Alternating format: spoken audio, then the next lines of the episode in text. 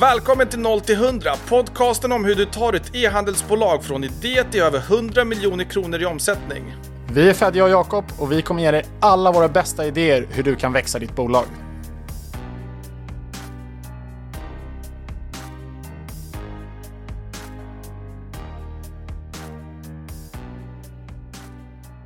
Välkommen tillbaka till ett nytt avsnitt av 0 till 100. Hur känns det Fedja? Nej men det känns bra, det är sent på eftermiddagen så jag är lite trött, jag gäspade precis men jag är ändå, så, så, här, så fort du säger välkommen tillbaka så hoppar man in, in i game mode och man är taggad på att spela in en ny podd. Jag kanske borde erbjuda en kaffe innan vi sätter igång så att du eh, håller upp energinivån här rakt igenom. Ingen dum idé. Vi får ta, det, vi tar ett break sen mitt i så tar vi en kaffe. Låter som en bra idé. Eh, jag tänkte att vi ska prata om ett ganska nördigt ämne idag. Eh, Shopify har ju två gånger om året typiskt sett eh, release av massa nya funktioner. Och i somras så sa de att de släppte 100 nya grejer och nu för några dagar sedan så sa de att de släppte 100 nya grejer. Och jag har varit igenom varenda ny grej som har släppts, nästan i alla fall. Eh, och studerat hur det här skulle kunna påverka e-handlare på olika sätt. Så jag tänkte att jag tar mig igenom de här områdena och får lite dina reaktioner. Och jag ska väl säga att jag har ju eh, val, äh, valt lite grann så att vi ska inte gå igenom alla hundra. Eh, och jag kan även lägga in ett kaviat för att jag kommer inte gå in på det som har att göra med utveckling att göra. Eh, för det blir väl tekniskt för att jag ska på ett intelligent sätt kunna prata om det. Okay. Så det första stora området det är olika steg då in i hur man kan öka konvertering på sin hemsida på olika sätt. Yay.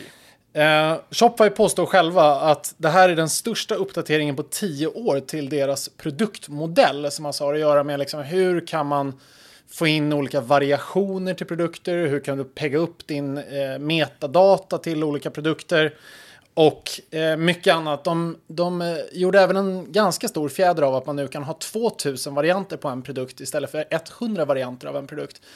Eh, men jag har lite lite svårt att se att det här är någonting som träffar så många e-handlare, men kanske för några kanske det är en, en viktig funktion. Ja, men det är väl större multi-brand stores och när du säljer väldigt många, alltså en SKU i många olika länder med många olika variationer och så har du kanske olika lager som du vill skicka från. Så att, ja, uh, I don't know. Nej, exakt. Men vi, vi har i och för sig, liksom, vi är inte så himla långt ifrån den här 100-gränsen på Juniper med vårt debedset för att vi har eh, liksom Ja, den består av tre olika produkter som har massa olika SKUs, olika färger och grejer. Så att, eh, det, det, blir, vi är inte så där jättelångt från 100, men 2000 är i alla fall en, en väldigt, väldigt hög eh, limit får man säga. Men det är väl bra att, ändå, in, att det inte finns någon limit uppåt, så att det eh, exakt. får man ändå se. Sen så en grej som jag eh, faktiskt inte visste inte var native innan, men det är så att man kan ha nu olika produkter och sen så kombinera in dem i liksom en parent listing. Men grejen är att i, på Roberts Groups tema så finns det här som funktion. Eller så är det möjligen mm. så att, eh, att våra utvecklare har utvecklat det här speciellt för eh, Juniper. Jag är faktiskt inte riktigt säker, men nu har i alla fall Shopify byggt en funktion för att det här ska kunna vara native, vilket kan vara rätt bra om man har morgonrock i tre färger och så vill man liksom ha en parent listing som heter morgonrock och sen så kan man gå ut och eh, ha den på olika platser. Ja, vi har ju byggt in det här som en egen sen tidigare och det var någon gång 20, 2021 när vi byggde temat, grundtemat första gången. Som, och jag kom ju från Magento-hållet. Mm. Så jag var ju van med att det här gick och jag tyckte det bara var jättekonstigt. Att det inte gick att göra i Shopify. Det är så mycket som jag tyckte var konstigt att de inte hade utvecklat. Mm. Jag tänkte det är världens största e-handelsplattform och så saknar de basic core-funktionalitet för massor av saker. Ja, så det är mycket sånt som byggde vi in det. Över hundra funktioner kommer jag ihåg att vi byggde in i core-temat och nu rullar ju Shopify ut sakta sakta fler och fler. Och det är klart att då kommer vi ju fasa ut det ur, ur vårat tema och använda native funktionalitet. För vår rekommendation är ju alltid att du ska använda native om det går och den uppfyller samma sak eller samma funktion eh, och har identisk setup så ska du använda det som är native. För native kommer alltid underhållas, uppdateras, vara buggfritt, funka. Mm. Funkar också med andra externa appar på ett bättre sätt än vad någon som har gjort ett custom-tema kommer ha kunnat ha möjlighet till. Exakt. Nej, men så att det, här är, det här är i alla fall några av liksom de eh, highlightsen som kommer från eh, produktsidorna. Så se om det var något mer här. Det var ju också att de har nu gjort det native möjligt att man ska kunna beställa prover, alltså typ swatches från en produktsida. Det låter ganska inkrementellt, men kan för vissa bolag vara viktigt. Jag vet, vi jobbar åtminstone med en kund där liksom Mm. prover är väldigt eh, påtagligt och en väldigt viktig del av försäljningen. Men det har väl alltid gått att beställa prover, eller hur, har, hur tänker du att... Ja, men nu är det, nu är det liksom inbyggt i en produktsida. Så att om du är och tittar Ja. på Unipers eh, blåa sängkläder, då, liksom, då kan du ha det inbyggt på något sätt på produktsidan så att du kan beställa prover direkt där från produktsidan. Jag vet inte, men jag, Okej. jag tror att en hel del av de här funktionerna är här grejer som har säkert gått att customisa in innan och som nu kanske kommer mer som att det blir uh, out of the box. De kanske märker att vi har, vi har lagt in det här allihopa så att okej, om, om 90 av 100 e-handlare har byggt in det här så är det väl dag, dags att de bygger in det. Men det är väl helt rätt väg att gå. Jag fattar hur de tänker med det här med swatches. Det, det är smart att lägga in så att man kan beställa prover. Hur vi har löst det genom att bara skapa en till SKU, koppla den SKUn som är variant och sen är det klart. Eh, Exakt, typ så. Men den här delen som är så här, jag tror att man kommer, när man läser om det här så blir det inte så magiskt. Men jag tror att det här är en sån grej man kanske kommer liksom att uppskatta mer och mer av när man märker att det sker små förändringar på hur produkterna byggs upp. Men en funktion som faktiskt är lite coolare, det är vad de kallar för semantic search. Och Okej. det innebär alltså att eh, istället för, tidigare har man behövt vara ganska nogsam med alla keywords och allting till produkter för att när en kund kan ju välja att söka på till exempel en morgonrock eller en badrock och de menar ju exakt samma sak. Eh, de vill till samma produkt och de har behövt använda båda de här keywordsen. Men med semantic search nu då, som ska vara någon form av liksom AI-powered search då menar de att de ska kunna lista ut vad kunden faktiskt är på jakt efter med liksom en mera typ fritextsökning på sidan och att det här ska finnas native nu i sök på Shopify. Och det som är intressant här är ju att veta eftersom Shopify består av 99% små e-handlare som inte har tillräckligt med data. Då måste vi förstå att okej, är semantic searchen, baseras den på någon global databas eller är det på den indi- individuella e-handelns data? För att om, om det bara är 10 personer som söker på morgonrock eller badrock på Unipers hemsida under hela månaden så blir det så litet dataset att den AI inte hinner tränas upp. Nej, Så här är det sant. viktigt att bara förstå, är semantic search tränad på global data, och vilket jag hoppas och förutsätter att den är, så att det blir lite som att man får in ChatGPT search eller något liknande. Exakt, Så att typ den så, förstår vad man är ute efter. Och det här har ju man kunnat lösa med massor av olika externa sökmotorer tidigare, typ Clevio har haft en semantic search i, i ett decennium snart. Nej men så att eh, det är väl i alla fall någonting som ändå känns positivt. För vi vet ju också att när människor tenderar att söka på sajt så tenderar också konverteringsgraden att vara ganska hög. Sant? Eh, De som söker tenderar att konvertera upp till dubbelt så mycket som de som inte använder sök. Så sök ska man egentligen tydliggöra, synliggöra den. Även på så här sajter som vi har, vi har AB-testat det här historiskt många gånger. Även sajter som har få produkter, typ 20 eller färre. Som har en hero-produkt till exempel. Vanligt. Så har vi testat att lägga så här en stor, typ som Amazon eller vad som helst. När du landar så ser du den direkt. Och så tänker man varför skulle folk vilja söka? De vet, men, men det är för att man har ett intränat sökbeteende för att man har vant sig att använda sig av Google eller Amazon eller YouTube eller TikTok numera. Så man är van att söka. Så att använd söket och förstora söket och se till att det är tydligt och se till att det även fungerar. Och kolla även sökord som har noll resultat, vilket betyder egentligen att folk är ute efter någonting, men de hittar inte det. Och hade de hittat det så är det dubbelt så hög sannolikhet att de hade konverterat än en vanlig eh, kund som inte använder sig av söket. Nej, exakt. Och det, vi hade inte sökt faktiskt på Juniper site för jag vet inte, något år sedan eller vad det kan tänkas vara. Och då gjorde vi en kundsurvey med människor, eller det var inte en kundsurvey, men det var en survey med människor som inte var kunder, som alltså inte hade kommit till köp, men de prenumererade på vårt nyhetsbrev. Okej. Eh, och då, gick vi, då frågade vi förstås människor så här, okej, men vad var det som fick dig att inte köpa då? För nu har du ändå prenumererat på vårt nyhetsbrev ett tag. Och då var det en rad människor som till exempel sa att så här, ah, men jag kunde inte hitta sänglakan för 140 bredd på säng. Det har vi på sajten, men de har inte hittat fram uppenbarligen. Och Då följde vi bara upp med e-mail individuellt till de här personerna, för vi bad om e-mail i servern. och sa att här, kolla, du kan köpa. Och så fick vi faktiskt en hel del köp på det. Så det kan vara ett, så här, vare sig man har sök eller inte, så kan det vara ett, ett litet så här growth hack att, eh, för att få konvertera några extra kunder vid något tillfälle. Nej men det är det och, och en av de största conversion killers du har på nätet, nu spårar vi ur lite men, och pratar konvertering men det är viktigt. En av de största är, jag hittar inte det jag söker. Så att det, det kan ju vara så att priset är för högt eller någonting annat känns fel. Men en av de största är, jag har, jag har svårt att få hjälp eller jag hittar inte det jag söker eller jag, jag kommer bara inte fram, för man är van som sagt, man är intränad som människa att det är ett klick bort. Du ska söka på sänglakan, klicka på Google Shopping och så hamnar du på rätt ställe på en gång. Men om Facebook-annonsen driver till en collection-sida som det är gjort på, på Juniper och så hittar man inte sina sänglakan, man har inte ett attention span som kommer, jag kommer inte kämpa för att hitta det här 140 Nej. lakanet utan jag kommer bara klicka mig ifrån för det är ett klick bort till någon annans sänglakan. Ja, exakt. Nej, men så det är väl en, en bra poäng ändå. Ja, finns det mer på konverteringssidan? Dels har de infört lite nya funktionaliteter på, på kuponger. Det, det finns bra. Ändå, det, det, är bra faktiskt, för att det har varit lite begränsat i native tycker jag med hur man har kunnat kombinera kuponger och så där. Så det är bra att de ändå inser att det är ett problem och fortsätter att utveckla det, även om det finns tredjepartslösningar och så här som man eh, såklart kan använda sig av också. Det finns bra billiga tredjepartslösningar, men native är alltid native. Det är mycket bättre. Det kommer lira med allt och det blir mycket, mycket bättre. Jag tycker det är, det är irriterande att man inte har kunnat ha typ så här buy one get one. Eller att man inte kunnat ha så här köp eh, fem, eh, få, eller köp fyra får den femte på köpet. Mm. Eller liknande så här custom-lösningar som man har fått bygga hela tiden. Just den faktiskt, uh, Buy X Get Y Promotions är liksom ja. en av delarna de har uppdaterat vet jag nu. I, och det är skitbra. Ja. Jag hoppas att man kan nu kombinera, kombinera fler än en promotion. För det var också någon sån här låsgrej att du kunde ja. bara ha en discount code. Den krockar tydligen med den här andra promotionen som du vill köra. Så att du kan inte köra flera samtidigt. Och det, det är lite irriterande. Hoppas de har löst det. Mm.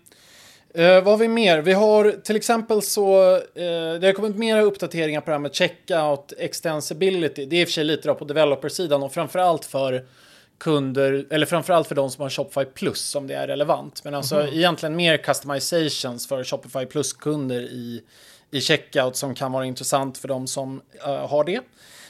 typ vad? Ja men typ att du kan införa fler bilder, du kan ha nya ikoner i typ favicons i checkout, du kan anpassa, eh, liksom, eh, Shopifys checkout är ju ganska låst. Ja. Men nu har du egentligen då större möjlighet att gå ifrån den to totala låsningen och liksom anpassa mm. grejer runt. Ja, men det är bra. Det gillar jag. Ehm, sen så ett par små grejer till. Dels så har de eh, släppt någonting som ser ut ungefär som eh, Google Lighthouse, någon form av web performance dashboard inne i Shopify. Perfect. Eh, så att man kan se det redan därifrån se om det liksom är något problem med sajten just idag eh, jämfört med igår eh, som ska komma. Det är så bra. Men jag vill pausa där. Jag har alltid mm. haft en, här, no, någon typ av störning inombords, det här med performance, att det mäts så olika på alla olika verktyg. Oavsett om du testar med Googles egna verktyg, om du tar typ så här page, speed eller om du tar Google Lighthouse eller om du tar den här högerklicken. Ja, ja, men så här, ping dem med något annat. Men om du tar bara Googles egna verktyg mm. så kommer Google ge brett så här, vitt skilda resultat. De har en, en PageSpeed Insights och har de en Lighthouse och så. Och sen har jag försökt att gräva djupt i det här och förstå. Det har jag några år sedan då. Så att eh, det kanske har hänt lite sedan dess, men det, jag tror faktiskt inte det. Utan det har mycket med att du betygsätter olika. Även oavsett om, om, om du är first contentful paint eller om det är eh, någonting om, så här, om den laddar, bilden ska ladda hela bilden eller om det bara är delar av bilden som ska laddas. Och olika verktyg mäter på olika sätt. Och det här är tydligen en ganska big deal inom, inom dev-communityt. Så mm. de jobbar på olika metrics, så att man kan tro så här, okej, okay, jag bryr mig egentligen inte. Jag vill bara att det ska vara en snabb användarupplevelse och det jag tittar på är konverteringsgraden och kundnöjdheten. Jag vill inte ha en hög drop-off. Men devs, alltså du utvecklare sitter och tittar på de här metricsen mellan olika tools, försöker optimera och jag sitter bara och tittar på resultatet. Vart hamnar vi? Yeah. Så att eh, jag, jag har bara lärt mig att okay, ignorera vad alla de här säger. Säger de att ett D eller ett A plus spelar ingen roll. Om inte konverteringsgraden har ökat så spelar det faktiskt inte så stor roll. Och vi vet med all data i ryggsäcken att alltså, konverteringsgraden kommer öka om performance, det vill säga hastigheten på sajten, är snabbare. Så att eh, det här är ju bara egentligen uh, positivt att Shopify inför ett native-system att mäta i. För jag tror det blir någon typ av, inte global standard, men Shopify-standard så att man kan kolla mellan olika butiker och jämt ha koll på sina basmetrics. För performance är en viktig del. Exakt, och så blir det ju också bara någon form av så här relativ check. Att du gjorde några förändringar på hemsidan igår, eh, upp eller ner, liksom. Ja. bättre eller sämre. Och, så man får, och det också blir lite mer in your face. För att problemet med alla de här externa verktygen är ju också att man man går ju inte dit varje dag och kollar om en sida fungerar. Och det, skulle nog inte heller, det är nog inte heller bra allokerad energi att göra det. Men man gör det någon gång emellanåt. Ja. Och så fixar man lite grann, så tar man något ryck med sidan och får den bättre. Liksom. Men det här gör kanske att det kommer vara lite mer in your face. Skönt. Jag vet inte hur väl det här kommer fungera, men sen så har de släppt en, eh, till en iOS-telefoner eh, då, så har de släppt en app så du ska kunna göra 3D-produktmodeller av dina eh, produkter och liksom få upp produktbilder. Eh, det ser såklart i demo ganska ballt ut, men sen så får man väl se hur väl det fungerar i verkligheten. Men det, det kan möjligen för vissa e-handlare som liksom säljer rätt typ av produkter vara en kul och intressant feature, kanske sänka barriärerna för att skapa någonting som kan... Men vadå, så att de har skapat en egen feature för att få upp produktbilder i 3D snabbare. I deras app, och så, så länge du har en iPhone då, och det kan ju alla skaffa. Så även om jag har en Samsung så kan jag låna någons iPhone och fixa Ja. de här produktbilderna. Eller hur? Så att det är väl... Typ så. Ja, och sen laddar du upp dem och så har du 3D-modeller på din sida. Det är, det Exakt. en bra feature. Exakt, det är en bra Soffor feature. Och större möbler eller liknande som Ja. du behöver 3D-modeller. Ja, jättebra. Kan vara positivt. Så det här var lite en, en påse med grejer som alla är liksom ämnade till att på ett eller annat sätt öka konverteringen genom att och, eh, guida människor på sajt. Fast egentligen om man tänker efter så här, ska verkligen Shopify lägga sig i 3D-modellering? Eller finns det inte viktigare saker som de ska ta sig till som är core? Det här är ju verkligen en, en, bråkdel av deras kunder som behöver den här äh, grejen. Och det finns så många lösningar på marknaden som gör det här redan i princip kostnadsfritt. Varför ska man sitta och bygga något alltså i sin egen app för att lösa det här? Det är egentligen det här konverteringsdrivande, de borde ju ha löst andra problem. Jag sitter och tänker bara, Nej, jag, vet, jag, jag tycker alltid det där är lite lurigt med Shopify. För de säger själva att de vill göra allting in-house som, som vänder sig på något sätt till 80% av e-handlare. Men det här vänder sig absolut inte till 80% av Nej. e-handlare. Det vänder sig till kanske 8% av e-handlare. Och, och if even liksom. ja, exakt. Men däremot så är det möjligen så att för de 8 procenten är det ganska viktigt. Och man skulle möjligen också kunna tänka sig att det här är, det är många väldigt små e-handlare möjligen som det här kan bli, vara viktigt för. Man säljer något, liksom, någonting typ som man annars hade kanske sålt på Etsy eller något sånt där. Ja. Och eh, då är det kanske bra att man sänker barriären möjligen för dem. Men jag håller med, det känns lite som att eh, det var någon eh, utvecklingstävling eh, inhouse som någon vann och sen fick de en påse pengar för att ta det i mål. Här har vi några lior som ska göra ett arbete. Vi gör det här projektet. Ja. Det, det, det Eh, lägger vi externt i en app.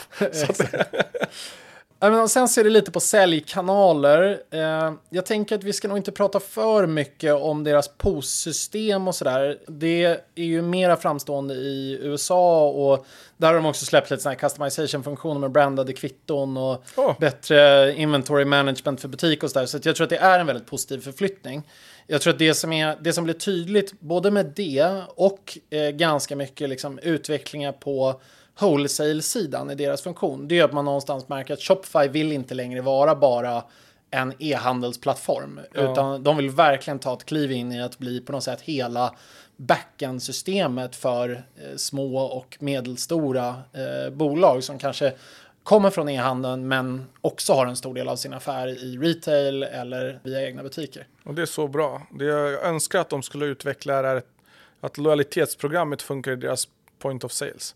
Så att om du har ett lojalitetsprogram från, vad säger om det är Jotpo eller Loyalty Lion eller whatever. Som är native online, att när du kommer in i butiken så kan du uppge någon QR-kod eller någon verifikation att du är du. Och sen får du poängen. För det finns ju liksom inte idag. Och det är svårt för de externa parterna att integrera. Så att mer som är integrerat i deras POS hade varit så bra. Exakt, och är det inte så att Shopify har en investering i Jotpo? Eller är det Klaviyo som har det? Eller Shopify som har det? Ja. Shopify äger en del av Jotpo. Så att det är väl inte helt otänkbart att de kanske bygger ihop det lite tajtare. Hoppas. Det hade varit guld. Det är en sån här typisk funktion som jag vet att många större e-handlare eller större retailers överlag behöver. För ponera att du har 100 butiker. Du vill kunna använda dina lojalitetspoäng överallt. Absolut. Så att, att för de människorna som kommer in i butiken inte kunna använda det eller returnera en vara och inte få, alltså det, det är jättekonstigt. Och sen det här med Endless Aisle är också jättebra funktionalitet som tidigare har här på Salesforce och liknande. Så du kan sitta med en iPad, du har bara en viss antal produkter på en pop-up. Men Du kan sälja resten via en iPad och den hämtas i närmaste lager. Eller så multi-warehousing, den typen av core-funktionalitet som behövs för bredare eller mer komplexa affärer behövs i Shopify också. Så jag hoppas verkligen att det här är det de ska åt. Ja, men jag skulle tro det. det. Det är en hel del uppdateringar här också runt just det här med warehousing och kunna hantera flera warehouses och kunna ta det närmaste och kombinera det med lager i butik och så vidare. Det Som är jättebra. liksom, Det är kul. släpps. Så jag tror att det här är nog en positiv förbättring. Sen tror jag att det liksom, eh, kanske fortfarande är en liten bit kvar. Och, och sen är det många av de här funktionerna som släpar lite med sin release i Europa mot USA. Som vanligt. Exakt. Sen så är det en tajtare integration med Fair. Det är inte kanske jätteintressant, men det är en sån här plattform som gör att man kan nå ut till lite mom and pop shops eh, i, i olika länder. Eh, Du säljer till små butiker som köper liksom fem eller tio av någon produkt. Eh, så att, men det kan vara, kan vara viktigt för vissa möjligen. Eh, det som är betydligt mera spännande skulle jag säga runt det här med säljkanaler, det är någonstans att de släpper någonting som heter Shopify Markets Pro. Eh, och Shopify Markets Pro är ju då ämnat att hjälpa dig med en rad grejer på internationaliseringssidan. Åh, äntligen. Eh, Jag satt och väntade på den här uppdateringen. ja, och eh, man ska säga så här, på hög nivå när man läser om det så låter det grymt. Sen vet man ju att när, när man liksom väljer sig in i det så kommer det garanterat strula mer än vad, vad det låter som. Men liksom, Ja. de säger att de ska kunna hantera då, så här, lokala betalmetoder i alla länder, att de hanterar duties och tax compliance i alla länder. Att de Wow. kan hjälpa till med customs pre-clearance, att de ska skicka till länder som är då typ utanför EU, där du behöver hjälp med förtullning. Då ska Shopify kunna bistå med det. Bistå Eh, hur? Alltså är det en koppling via Avalara? Eller, för det har de ju refererat till tidigare. De, ja men det här finns i Shopify Markets och sen när det, när det väl kommer till kritan, ja men du måste också signa ett avtal med den här externa parten som kostar, startar på så här 50 000 i månaden. Ja, det, det är oklart ska jag säga. Eh, det är möjligt att det finns mer detaljer om det här än vad jag har lyckats eh, absorbera, men eh, det, det här är det jag har fått med mig. Då. Så, och sen så även möjlighet att filtrera din produktkatalog om det skulle vara så att du, eh, det är vissa produkter du inte får sälja i vissa länder till exempel. Eh, det, Jättebra. ja, det kan ju vara relevant om man eh, säljer ja, säg medicintekniska produkter eller produkter som ska in i kroppen på ett eller annat sätt. Så då kanske du inte har rätt att sälja dem i USA. För att du inte Ja, ja, överallt. efter- Eller alla produkter. Vad brandfarligt gods kan inte lämna landet eller något annat. Det finns hur mycket produkter som helst. Exakt. Eh, sen så ska de erbjuda någon form av financial exchange rate eh, riskhantering så att du liksom inte ska behöva ta risk i eh, kassaflödena när du har betalningar i andra valutor. Exakt hur det kommer att fungera är jag inte liksom riktigt säker på. Och slutligen här på Shopify Markets Pro så släpper de också att du ska kunna alla dina rapporter ska du kunna splitta upp på olika länder natively direkt i Shopify. Det är bra, det har vi saknat. Det, det går att splitta upp lite nu med hjälp av filter. Mm. Men det är väldigt svårt och du får väldigt lite data. Så du behöver exportera datan, importera i något annat verktyg. Vi säljer ju på flera marknader med nästan alla brands. Och det är väldigt bökigt skulle jag säga idag att få ut sin data natively. Exakt. Men så att alla de här grejerna är egentligen positiva. Och sen så, även om de då inte kallar det för internationalisering, så kommer de även öka sitt stöd för att hantera eh, skatt och Nexus som det heter i USA. Då. Eh, för oss är det internationalisering, för de, de ser inte USA som internationalisering. Men Nej. det här är ju en av de eh, liksom komplexiteterna som man möter som svenskt bolag när man ska gå in i USA. Att det är olika skatteregler i alla stater. Och nu ska Ja. då Shopify natively kunna hantera så att du, de berättar för dig att men nu har du brutit igenom den här gränsen i New York och i Kalifornien, men inte i övriga delstater. Och då måste man bet- börja betala lokal sales tax i de eh, staterna. Shit, fan det, det här, just, just det här med att det blir bättre med internationalisering, det är en sån svaghet som jag alltid har sagt till e-handlare som ska ge sig in i Shopify, speciellt när du omsätter upp 50 eller 100 miljoner och, och kommer till mig och rådfrågar, okej, vilken plattform borde jag vara på? Och så tar jag titt och så säger jag, okej, men du har en väldigt spretig målgrupp eller du har väldigt stor del av din försäljning i andra länder. Då brukar man alltid tänka två gånger innan man rekommenderar Shopify just för att jag vet hur bökigt det är att med native-möjligheterna utan att bygga sönder Shopify kunna göra ett bra jobb.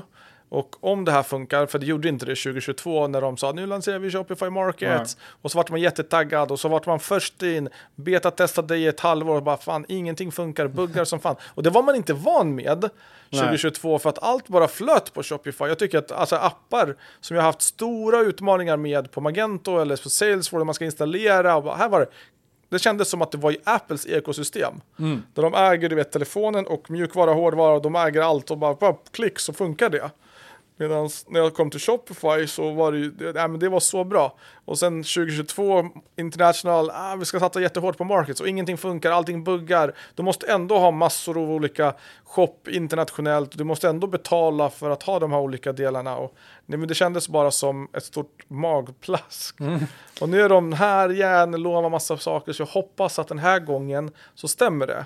För det här är nog en av de absolut största utmaningarna som en retailer som omsätter det, som kommer över en viss tröskel i omsättning behöver ta sig an. För så förr eller senare, växer din e-handel så kommer du behöva tänka på hur tar vi den här e-handeln utomlands? Hur säljer vi i fler länder än Sverige? Och då är det så bra om det bara funkar integrerat utan att man ska behöva bygga sönder själva plattformen eller ha sju olika storefronts där du ska uppdatera priser, produkter, bilder överallt. Det blir bara en sån mess. Och sen apropå olika storefronts så släpper de nu också funktionalitet för att du ska kunna importera eller exportera först och sen importera kollektioner, variants, metafields och allt möjligt från en butik till en annan butik. Oh. Så att vilket ska kunna då snabba på ifall du vill jobba med olika storefronts. Samtidigt så blir jag typ lite så här. Idealt hade jag bara velat hört att ni sa att man aldrig behövde fler storefronts ja, längre. Men Okej, det hade ju varit idealt. Men just nu till exempel om vi på Andriotskin ska lansera en polsk hemsida. Mm. Då måste vi alltså bygga om en stor del av, vi måste först importera PG-temat, alltså vårt grundtema. Sen måste vi bygga om en stor del av den svenska sajten så att den blir anpassad för Polen. Istället för att det skulle bara gå klick, copy, paste, importera temat. Nej, nej, det går inte för att alla kopplingar sitter i den svenska sajten, alla historik sitter i den svenska sajten. Så där måste du bygga om massor och det här kan lätt ta så 100 timmar utvecklingstid. Mm. Och det vill man ju såklart skippa om man ska in i ett nytt land, smidigt, enkelt och vill göra det lokaliserat för det landet. Så egentligen det enda du vill ändra är de här få grejerna vi har pratat om i podden tidigare. Om ni scrollar tillbaks till avsnittet med Domantas, då gick vi in mycket i hur du tar ett varumärke utomlands till USA och då pratade vi mycket om det här med lokalisering. Så det tycker jag är så bra att de, de gör.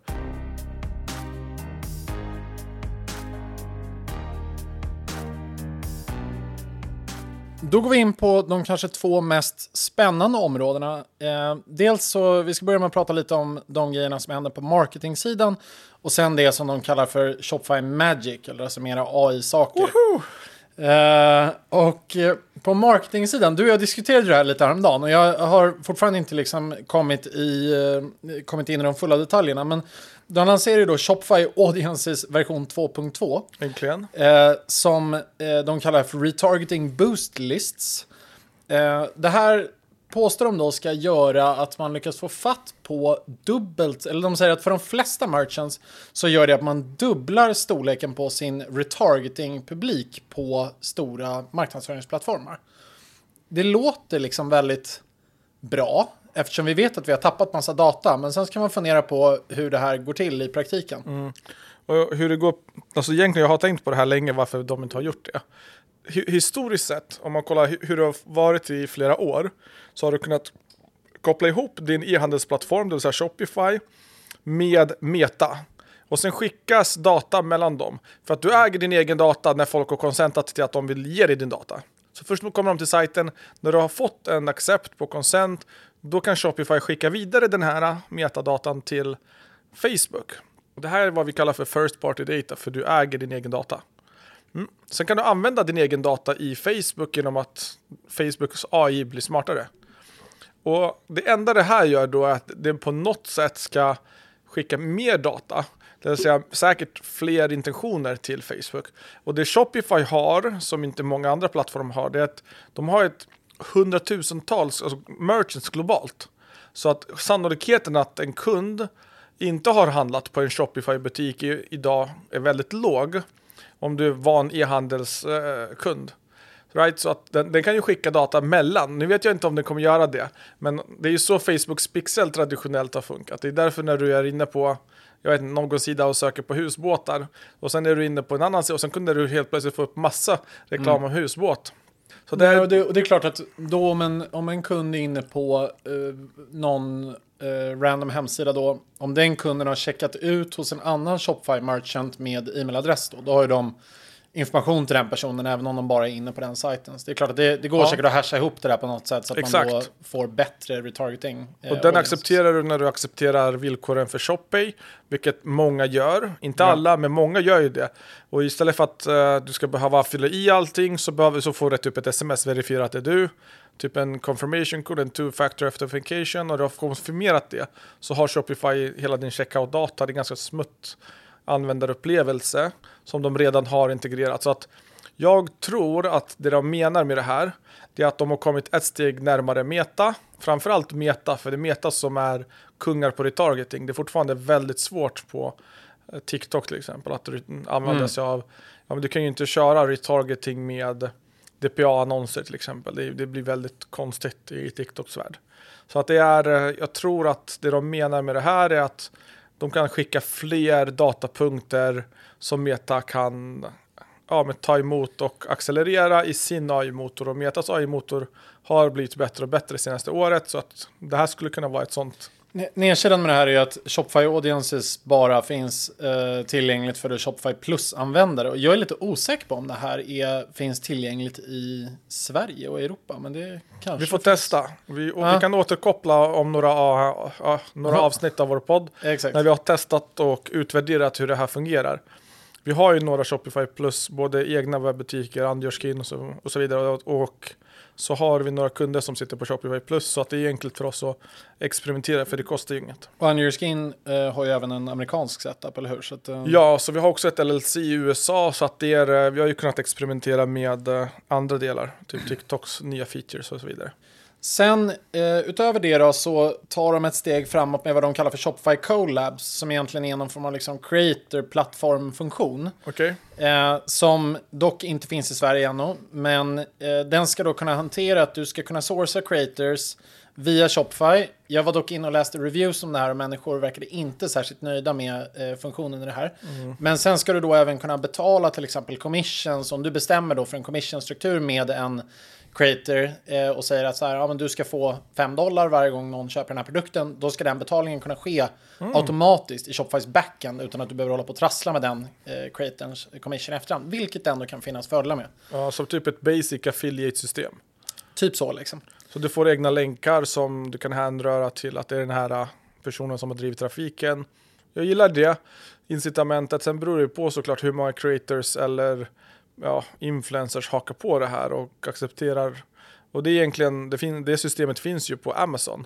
Så jag tror att det är äh, Amazon de tacklar lite i det här, åt det här hållet. Att kreatörer brukar länka ofta till Amazon Finds och här är min Amazon-lista och, så att, och de får ju commission för det så det är inte så konstigt att de länkar till Amazon.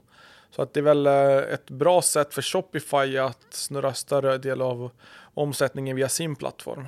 Exakt. Och de kan ju ge bort en större commission för att du kommer ju kunna själv sätta den commission-länken. Medan på Amazon så är den ganska begränsad. Exakt. Eh, Jag signade faktiskt upp mig på eh, väntlista på det här i, igår bara för att vara tidig med i alla fall att få nys om när det släpps i Ja men det är bra. Också. Good job.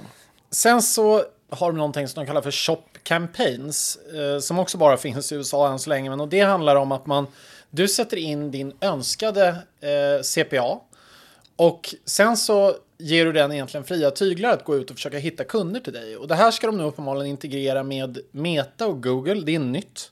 Eh, och tidigare har de haft det här bland annat via ShopPay-appen som där du kan gå in och köpa produkter.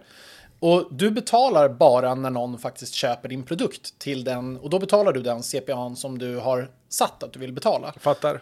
Som affiliate marketing. Som affiliate marketing, bara att din affiliate partner någonstans i det här fallet är då hela Shopify som eh, på något sätt går ut och gör det här i ett, i ett ekosystem istället. Vet du, jag tror att det, hur det kommer byggas är att det, det finns ju redan multi-brand stores på Shopifys plattform. Och de behöver nya produkter, nya heta produkter. Och då när du lägger upp din produkt, sätter en CPA, om den är tillräckligt intressant för mig som, jag säger att jag säljer lampor och så säger jag, ja men du har CPA 50 dollar för varje lampa såld. Jag tycker det här är ett intressant case, lägger in den på min sajt och om, så fort jag får ett sälj så kan Shopify då distribuera att ja, men jag får allt över 50 dollar, du får dina 50 dollar mellan oss två och att jag tvingas skicka produkten från mitt lager. Och att min commission först sker när leveransen är skedd. Exakt. Det är nog ett spår. Det finns även spår eh, med att man kan få lojalitetspoäng via ShopPay-appen.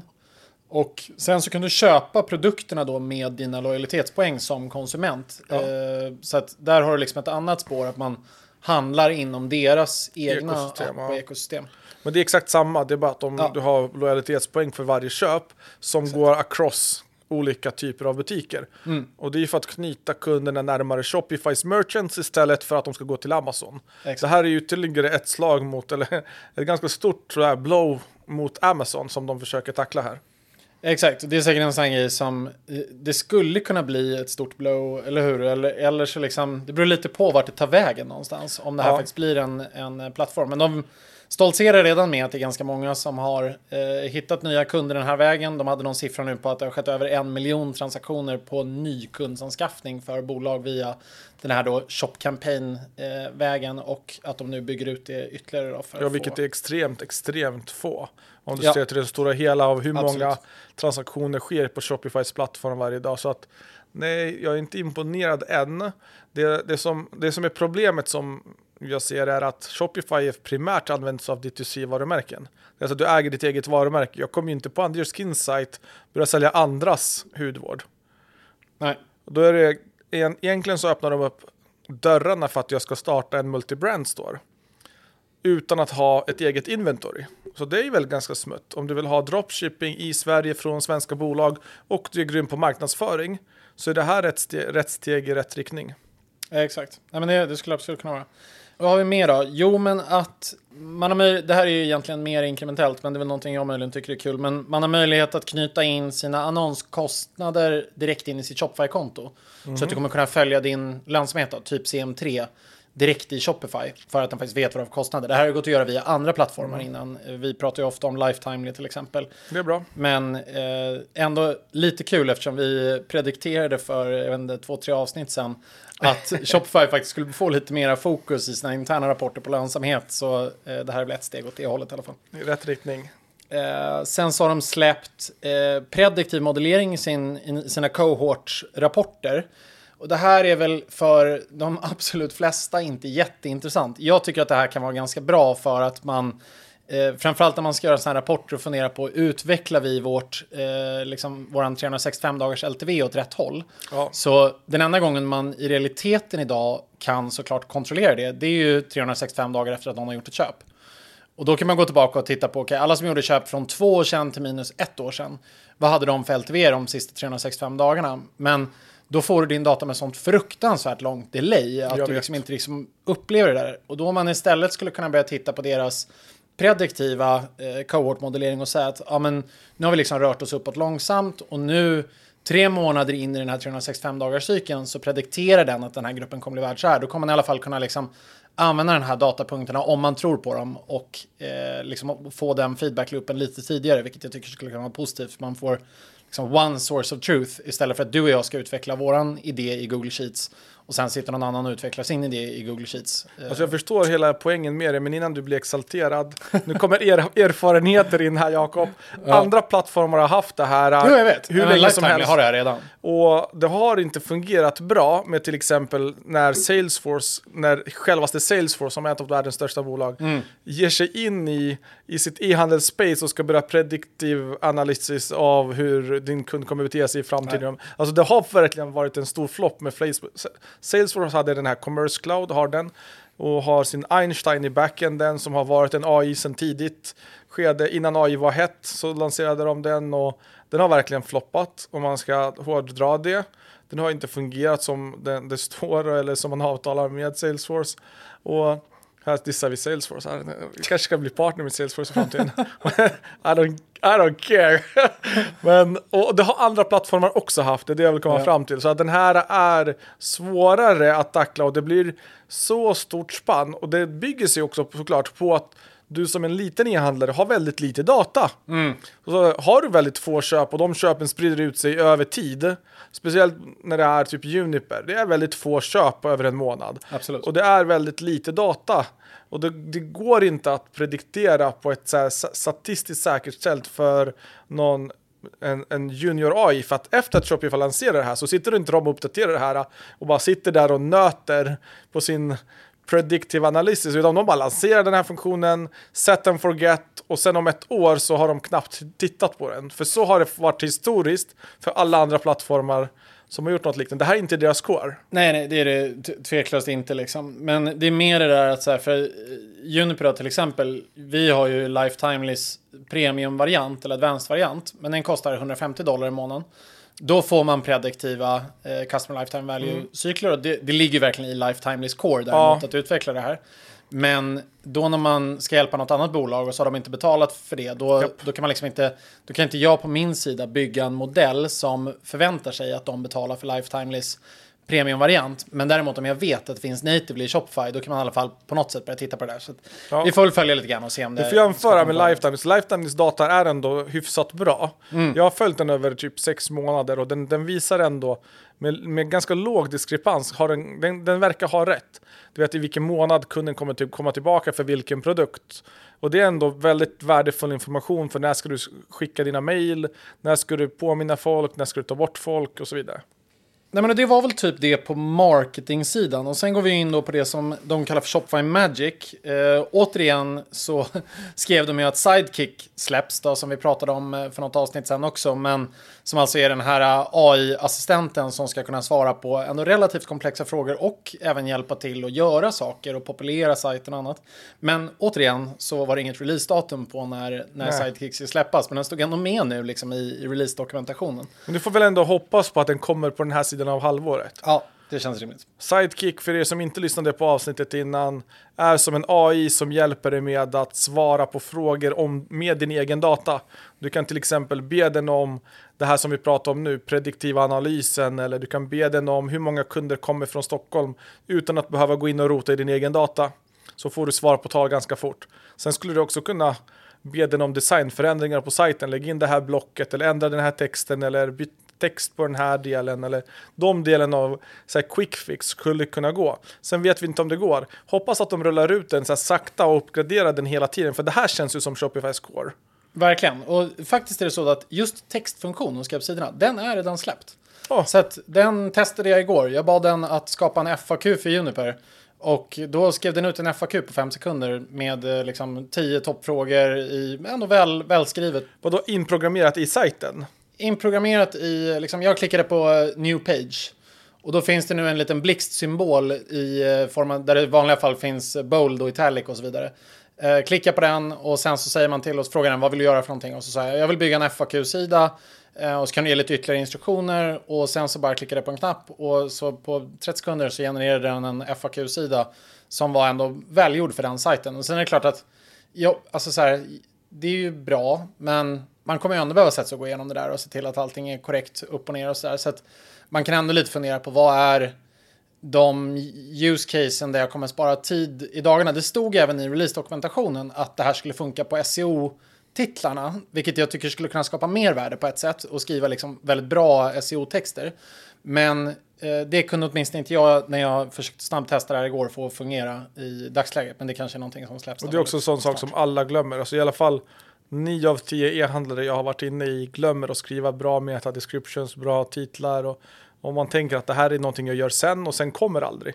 Man metataggar inte sina bilder, man komprimerar inte sina bilder, man geotaggar inte sina bilder och här kommer ju massa tips på Exakt. rad. Så det här är ju någonting som jag verkligen, verkligen hoppas kommer snart och fungerar. Alltså den här sidekicken har vi pratat om, jag har varit lite som så här, du vet en unge som väntar på julafton. Det kommer vara en sån besvikelse när det släpps. Allting Ja, kommer jag inte fungera. vet. Det kommer vara som eh, Shopify Markets. Jag hade en dröm, alltså nu ska vi inte gå in på drömmar, men jag hade en dröm, I had a dream. För n- några veckor sedan så sitter jag och drömmer och så vaknar jag och tänker fan, det här var bara en dröm. Men jag hade en idé om att e-handeln i sig själv kommer automatiseras i sin större globala perspektivet så kommer datorer kunna vara bättre e-commerce managers än vad en människa är. De sitter på all data konstant hela tiden, kan optimera alla annonser i och med de här funktionaliteterna nu mellan plattformar så kommer du enkelt kunna skicka annonser tur och retur. Du kan också skapa content ganska enkelt i AI idag. Du kan skapa texter ganska bra med AI idag. Ett år fram, två år fram så är det inte så konstigt att man som människa känner sig ja, men inte bortglömd, men, men överflödig som e-com-manager. I alla fall i de plattformarna som kommer i framkant och lansera det här tidigt. Så jag tror någonstans att det kom, vart kommer våran K ligga? Ja, men jag, så här, produktutveckling kommer fortfarande människor stå för. Och det är där vi behöver, brand kommer fortfarande vi behöva jobba med. En stund till. Men, det, nej, men en stund mm. till, right? Och det, det, känns ju som att allt det här som en e-com-manager har gjort med metatitlar, merchandising, alltså det som man också inte hinner med som prioriteras ner hela tiden. Varför, så här, idag gick jag in på Anders Kins sida och såg att shit, här eh, ligger till exempel våra supplements på tre olika ställen i tre olika kategorier.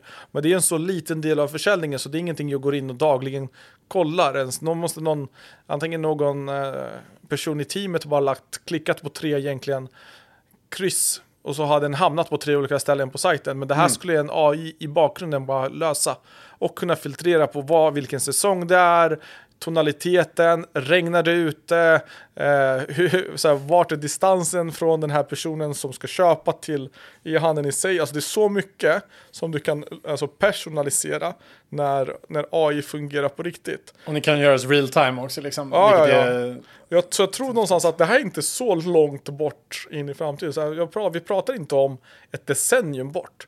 Utan vi pratar om nog troligtvis om år bort. Sen hur många år bort det är, det kan jag inte svara på just nu. Men det var ändå en väldigt där, visuell dröm. Mm. så där jag sitter där och kontrollerar flera olika butiker här, med hjälp av AI. Nej, men det är väl en, en naturlig utveckling. än så länge tycker jag det är lättast någonstans att se framför sig att man någonstans går från ett team på fem till ett team på två till ett team på en. Att till mm. slut så sitter det en person och rattar ett 100 miljoner kronors bolag och kan hantera liksom allt. Uh, ja, nej men så att det, det är väl i alla fall några grejer som känns spännande för framtiden och, och lite se hur den här utvecklingen. Jag tycker det är väldigt bra att Shopify tar tag i hela AI-biten så att det inte alltid handlar om att man ska koppla ihop tredjepartsverktyg med Shopify utan att man kan befinna sig natively i Shopify och få stöd därifrån. Och man märkte även när vi till exempel då, eller när jag skrev den här FAQ-texten att eh, det är klart att jag hade nog kunnat producera ett liknande resultat med ChatGPT. Men då hade jag behövt mata ChatGPT med mycket information om Juniper. Nu behövde jag inte göra det. Jag skrev bara skriva en FAQ och den har redan all information om Juniper och den kunde skriva ur sig en FAQ på ett, på ett väldigt eh, betryggande ja, sätt. Det är inte egentligen skriva FAQ i sig utan att den ska lägga in det på sajten och Exakt. koda in det. Ja. Som jag tror är den stora USPen. För jag tror aldrig att du kommer kunna skriva eller mata in den med mer information än du redan kan göra med ChatGPT med egna GPTs. Nej, exakt, men det är mer att det också är så här, företagsspecifik information. Ja. Alltså vad är våra liksom, begränsningar för hur kan vi returnera produkter? Hur ska du göra med våra? Den skrev ändå väldigt specifika instruktioner om så här.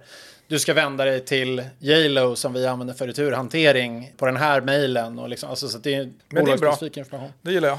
Ja, och sen så vad var det sista här? Jo, men det är, det är lite runt produktfotografi och AI. Att eh, man helt enkelt, det, det, kommer komma ganska mycket image editing kapabiliteter som byggs in i backen på Shopify. Så du ska kunna ta bort bakgrundsfärger, kunna ändra belysning, kunna ändra ganska mycket grejer som man kanske idag gör typ i Photoshop, men som nu kommer kunna göra att du på ett kanske lite snabbare sätt bara kommer kunna hantera en del sådana här enkla eh, grejer direkt i Shopify. Det känns inte som core. Alltså det känns som att det här är så onödigt. Ja, kanske. Men du vet, det är för någon som är lite mindre kanske. Som alla tycker inte Photoshop är lika kul. Ja, vi kan göra det i Canva eller Remove Background. Ja. Det finns så många bra appar. Absolut. Det känns som att de, det här tar de lite vatten över huvudet. Ja, möjligen. Det var en bra lista Jakob. Jag tycker du har gjort ett gediget researcharbete om jag får säga det själv. Jag menar, du brukar spontant starta igång podden och prata om nuvarande topics. Och nu har du gjort en bra research.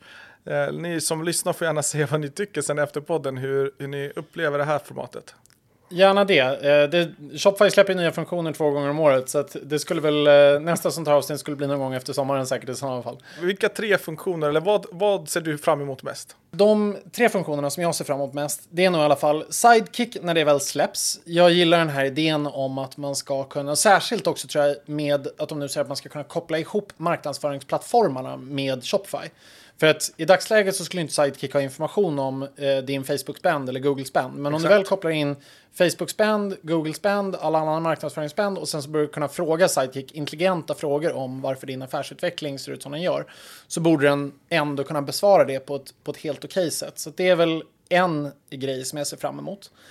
Eh, sen tror jag Shopify Markets Pro, jag är inte säker på att den här releasen kommer vara det man ser fram emot mest, men jag är väldigt glad att Shopify verkar ta det på stort allvar, att Shopify Markets inte riktigt fungerar som det ska. Och sen kanske det kommer ta liksom ett halvår eller ett år eller ett och ett halvt år till innan Shopify Markets fungerar på ett riktigt bra sätt. Mm. Men det är väl en grej som man, som man också ser fram emot tror jag. Det är väl kanske de två, tre grejerna som jag ser fram emot mest. Vad tänker du? Alltså i mitt huvud så satt jag och tänkte på exakt samma sak. Det är klart att jag ser fram emot, alltså jag ser verkligen fram emot den här drömmen jag hade där man har en sidekick på riktigt som hjälper till som en e-commerce manager åt dig och som du kan ställa intelligenta frågor till som har access till din data och som gör mycket av programmeringsjobbet åt dig.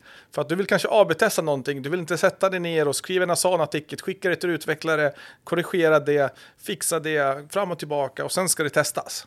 Utan du får friheten att testa allting i princip live snabbt. Och så har du datan som den, den också har åt dig. Så den kommer inte göra dumma beslut åt dig. Så att det är någonstans där är visionen att vi har en sidekick om ish ett år. Så vi, vi ser det framför oss. Ett år från att de lanserar den. Mm. Inte från att de lanserar den och så kommer det revolutionera e-handel. Men ett år, tittar vi på hur, vad som har hänt på ChatGPT-fronten på ett år så är det enorma framsteg. Jag menar, I början var det mer play så nu är det verkligen ett verktyg som heter duga. Det klarar jag av att skriva svenska uppsatser utan problem. Det är nog den första och den andra är som du också var inne på Shopify Markets Pro. Jag tror inte heller att det här kommer vara en revolutionerande grej när det lanseras. Jag tror att det kommer vara buggigt, men jag tror fortfarande på Shopify Markets Pro. Så att det är eh, jag vet inte ens varför de kallar det Pro. Kan de bara kalla det för Shopify Markets Expansion eller Shopify Markets Update? Här, Shopify som, Markets, sorry, the last one didn't work. Här, uh. Som det egentligen skulle ha ja. fungerat. This is how it was supposed to work. Så här, nej, men okej, okay, så de två tror jag är de två största. De här konverteringsuppdateringarna och lite utanför deras core med Shopify-appen och de delarna tror jag inte är... Eh, alltså, de, jag tror att det är set and forget. De utvecklar någonting för att ha någonting att utveckla istället för att fokusera på de här större core-funktionaliteterna. Exakt. Nej men eh, så att eh, ändå positiva förbättringar och jag tycker att det är lite kul att Shopify gör de här grejerna. Det känns lite som de här stora Apple-lanseringseventen som var spännande vid något skede i livet. Nu tycker jag inte att de är så spännande Nej. längre, men uh, nu, nu är det väldigt förutsägbart när det är så här, ah, iPhone 16. 15 hette den förra. Oj, den här har också tre kameror. Exakt, och den är den bästa någonsin. Återigen, eftersom den är inkrementellt bättre än den förra. Uh, ja, men så 25 eh, procent bättre. exakt. Batterihälsa. så att, uh, 13 procent ljusare skärm. Till slut kommer det vara som solen. Ja. men så att, jag tycker ändå att det är roligt att Shopify gör det här och det är väldigt kul att sant. ekosystemet utvecklas åt ett positivt håll. Helt, helt sant. Okej, okay. feedback vad ni tycker efter det här avsnittet och som vanligt vill ni ha någon spännande gäst, kommentera, tagga oss tagga personen, skicka ett mail så att eh, vi blir ihopkopplade så bjuder vi in spännande gäster framåt. Yes, tack för idag. Tack. Hej. Tack för att du lyssnat. Vi är tillbaka nästa gång för att berätta om våra tankar om vad som händer i e-handelslandskapet och med våra senaste tips hur du kan växa ditt bolag och bli mer lönsam. Om du gillar det här avsnittet, dela det med en vän och rita gärna podden med fem stjärnor och följ oss där du lyssnar på podcast så att du inte missar nästa avsnitt.